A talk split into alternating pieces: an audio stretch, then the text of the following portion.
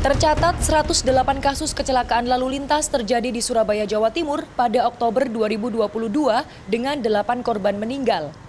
Sedangkan pada November jumlahnya meningkat menjadi 129 kasus kecelakaan dengan 20 korban tewas. Adapun hingga 13 Desember, 43 kasus kecelakaan terjadi dengan 8 korban meninggal.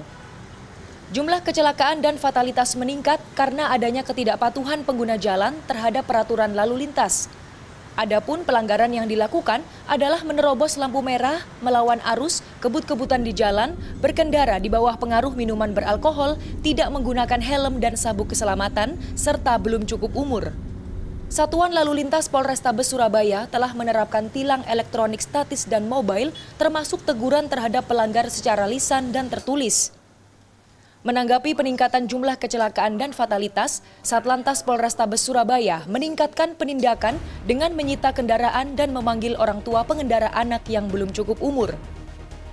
Penindakan itu bertujuan menjaring kendaraan yang tidak layak dioperasikan, hasil curian, atau yang digunakan menjadi alat kejahatan dan balap liar guna memberi efek jera serta meningkatkan tanggung jawab bersama.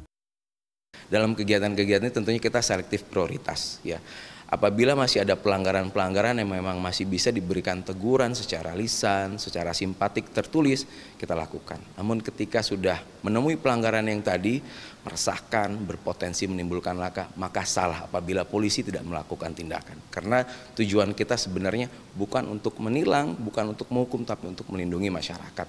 Jangan sampai menjadi korban uh, kecelakaan lalu lintas akibat pelanggaran dilakukan dirinya sendiri ataupun orang lain. Beberapa pengguna jalan menyatakan setuju dengan wacana pemberlakuan tilang manual untuk mengawasi dan meningkatkan kedisiplinan pengguna jalan. Kalau bisa ada polisi satu, dilihat, diawasi. Orang Surabaya semua gitu. Kalau tidak diawasi ya elektronik tak ya ngawur, Mbak. Iya. Jadi setuju ada tilang manual ya? Iya, wes gitu aja. Oke. Kenapa Bu? Untuk keselamatan Ibu atau gimana? Ya untuk keselamatan semua. Kalau saya sendiri sih ya sebenarnya apa ya sempat merugikan juga gitu loh. Lebih baik di sistem yang lama ada ada polisinya di perempatan gitu. Oke, kenapa? Ada yang mengawasi atau Ya mungkin lebih disiplin lagi supaya lebih disiplin pengendaranya. Oke, kalau pakai elektronik nggak merasa diawasi? Ya merasa diawasi tapi kan tetap aja kita kadang aja ngelepas plat juga untuk untuk apa namanya uh, supaya nggak kedeteksi. Sementara itu, baik pengguna jalan maupun Satlantas Polrestabes Surabaya mengatakan ada pengguna jalan yang mencoba mengakali sistem tilang elektronik dengan melepas pelat nomor kendaraan. Kanza Tamarindora, Andreas Wicaksono, Surabaya, Jawa Timur.